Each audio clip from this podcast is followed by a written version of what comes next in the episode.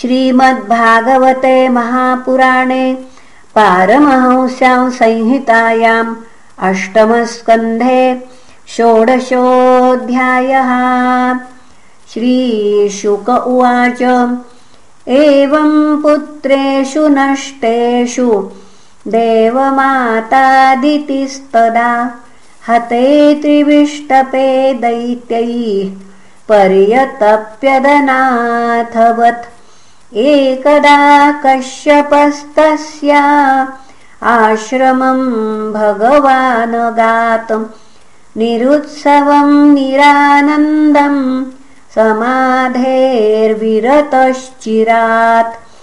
सपत्नीं दीनवदनां कृतासनपरिग्रहः सभाजितो यथा न्याय मिदमाह कुरुद्वः आप्यभद्रं न विप्राणां भद्रे लोकेऽधुनागतं न धर्मस्य न लोकस्य मृत्योच्छन्दानुवर्तिनः अपि वा कुशलं किञ्चिद् गृहेषु गृहमेधिनि धर्मस्यार्थस्य कामस्य यत्र लोक पुनः धर्मस्यार्थस्य कामस्य यत्र योगो ह्ययोगिनाम् अपि वातिथयोभेत्य कुटुम्बासक्तया त्वया गृहादपूजिता याताः प्रत्युत्थानेन वा क्वचित् गृहेषु येष्वतिथयो नार्चिताः सलिलैरपि यदि निर्यान्ति ते नूनं फेरुराजगृहोपमाः। अप पुनः आप्यग्नयस्तु वेलायां न हुताः विशासति। तयोद्विग्नधिया भद्रे प्रोषिते मयि कर्हिचित् यत्पूजया कामदुघान्याति लोकान् गृहान्वितः ब्राह्मणोऽग्निश्च वै विष्णोः सर्वदेवात्मनोमुखम्। अपि सर्वे कुशलिनस्तव पुत्रा मनस्विनी लक्ष्ये स्वस्थमात्मानं भवत्या लक्षणैरहम् अदितिरुवाच। भद्रं द्विजगवां ब्रह्मन् धर्मस्यास्य जनस्य च। त्रिवर्गस्य परं क्षेत्रम् गृहमेधिन् गृहा इमे। अग्नयोतिथयो भृत्या भिक्षवो ये च लिप्सवः सर्वं भगवतो ब्रह्मन्ननुध्यान्नान्नरिष्यति को नु मे भगवन् कामो न सम्परेद्य। पुनः को नु मे भगवान् कामो न सम्पद्येतमानसः। यस्या भवान् प्रजाध्यक्ष एवं धर्मान् प्रभाषते। तवैव शरीरजाः। प्रजा इमा सत्त्वरजस्तमोजुषः। समो सुरादिषु प्रभो। तथापि भक्तं भजते महेश्वरः तस्मादीश भजन्त्या मे श्रेयश्चिन्तय सुव्रत हृतश्रिय हृतस्नास्थानान् सपत्नैः पाहि नः प्रभो। परैर्विवासिता साहं मग्ना व्यसनसागरे ऐश्वर्यं श्रीर्यशस्थानम् हृतानि प्रबलैर्मम। यथा तानि पुनः साधो प्रपद्येरन्ममात्मजाः। तथा विधेहि कल्याणम् धिया कल्याणकृत्तम। श्रीशुक उवाच एवमभ्यर्थितोदित्या कस्तामाह स्मयन्निव अहो मायाबलं विष्णो स्नेहबद्धमिदं जगत्। क्व देहो भौतिकोन्नात्मा क्व चात्मा प्रकृतेः परहाम् कस्य के पतिपुत्राद्या मोह एव हि कारणम् उपतिष्ठस्वपुरुषं भगवन्तं जनार्दनम् सर्वभूतगुहावासं वासुदेवं जगद्गुरुम् सविधास्यति ते कामान् हरिर्दीनानुकम्पनः अमोघा भगवद्भक्तिर्नेतरेति मतिर्मम अदितिरुवाच केनाहं विधिना ब्रह्मन्नुपस्थास्ये जगत्पतिम्। यथा मे सत्यसङ्कल्पो विदध्यात् स मनोरथम् आदिशत्वं द्विजश्रेष्ठविधिं तदुपधावनम्। आशुतुष्यति मे देव सीदन्त्याः सह पुत्रकैः। कश्यप उवाच एतन्मे भगवान् पृष्ठ। प्रजाकामस्य पद्मजः यदाहते प्रवक्ष्यामि व्रतं केशवतोषणम्। फाल्गुनस्यामले पक्षे द्वादशाहं पयोव्रतः अर्चयेरनर पुनः। अर्चयेदरविन्दाक्षं भक्त्या परमयान्वितः।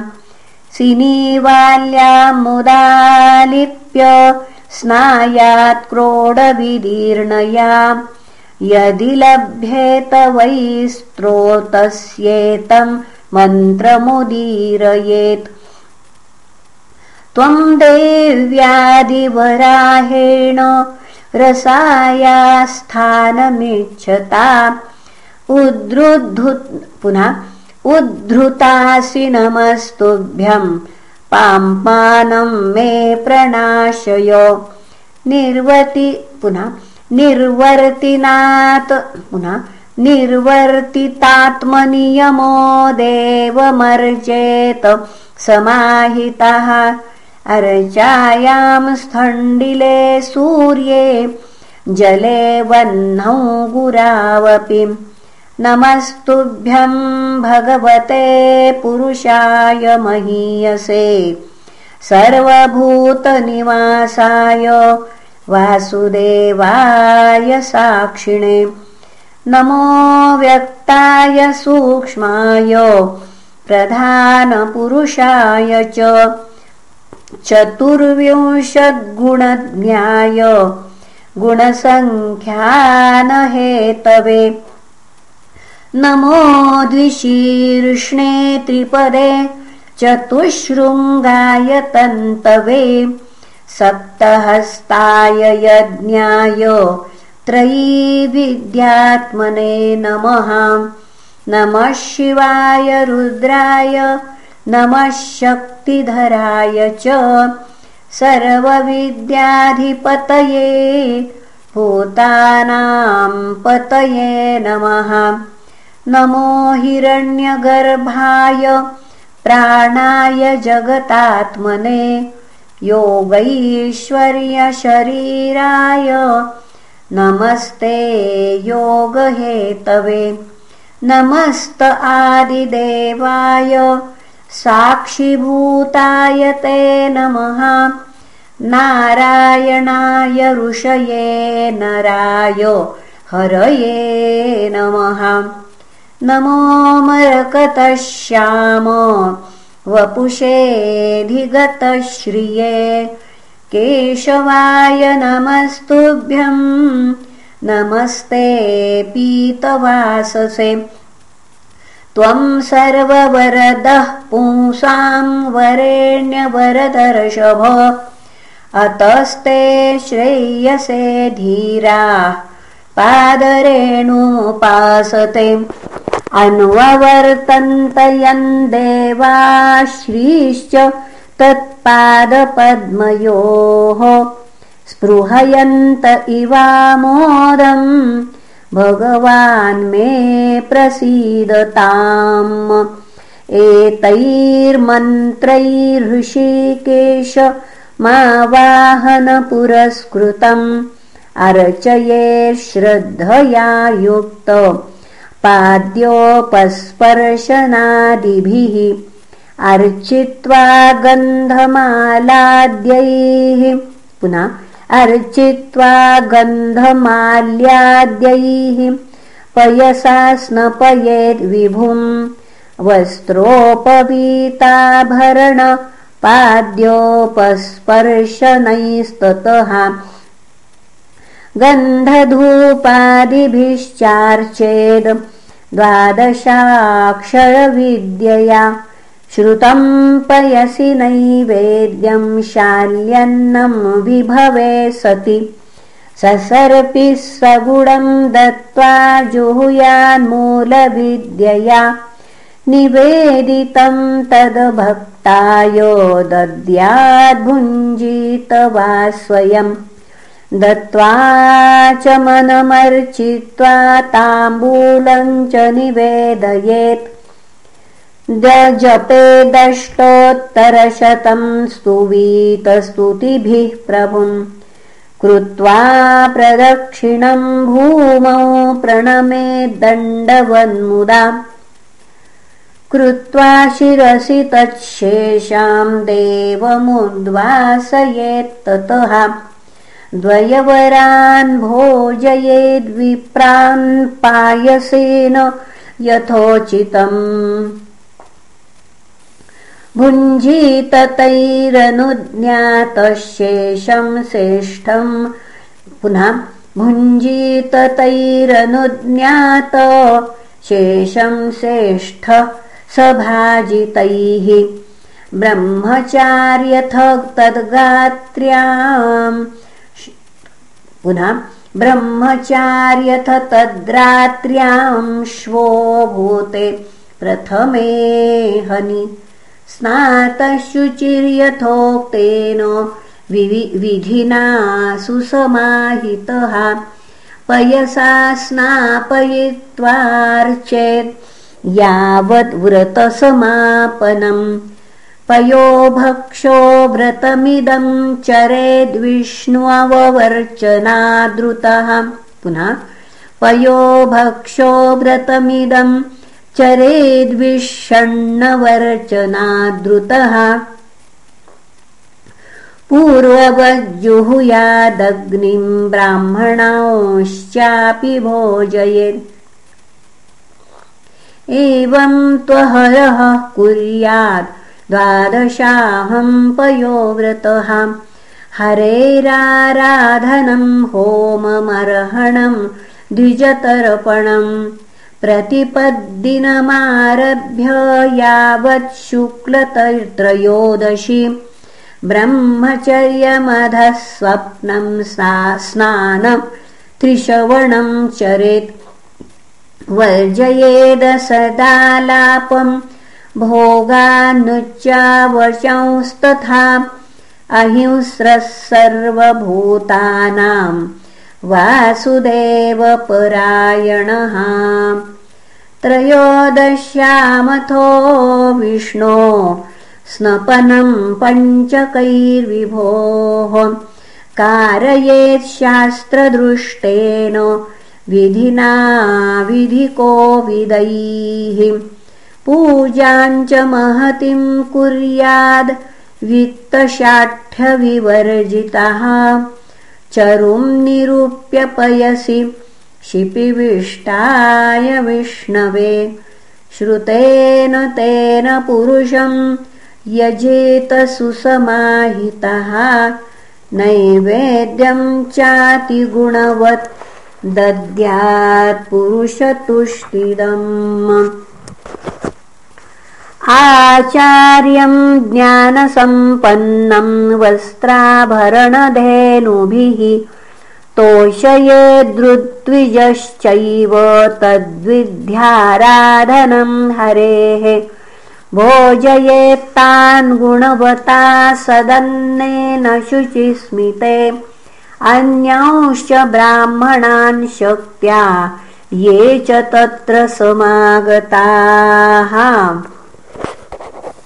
दक्षिणां गुरवे दद्यादृत्विभ्यश्च यथार्हतः। अन्नाद्येनाश्वपाकांश्च प्रीणयेत् समुपागतान्। भुक्तवत्सु च सर्वेषु दीनान्धकृपणेषु च विष्णोस्तत्प्रीणनं विद्वान् भुञ्जीत सह बन्धुभिः नृत्यवादित्रगीतैश्च स्तुतिभिः स्वस्तिवाचकैः कारयेत्तत्कथाभिश्च पूजां भगवतोऽन्वहम्। एतत्पयोव्रतं नाम पुरुषाराधनं परम् पितामहेनाभिहितं मया ते समुदाहृतम् त्वं चानेन महाभागे सम्यक् चीर्णेन केशवम् आत्मना शुद्धभावेन नियतात्मा भजाव्ययम् अयं वै सर्वयज्ञाख्य सर्वव्रतमिति स्मृतम्। तपःसारमिदं भद्रे दानं चेश्वरतर्पणम् त एव नियमाः साक्षात् एव च यमोत्तमाः तपोदानं व्रतं यज्ञो येन तुष्यत्यधोक्षजः।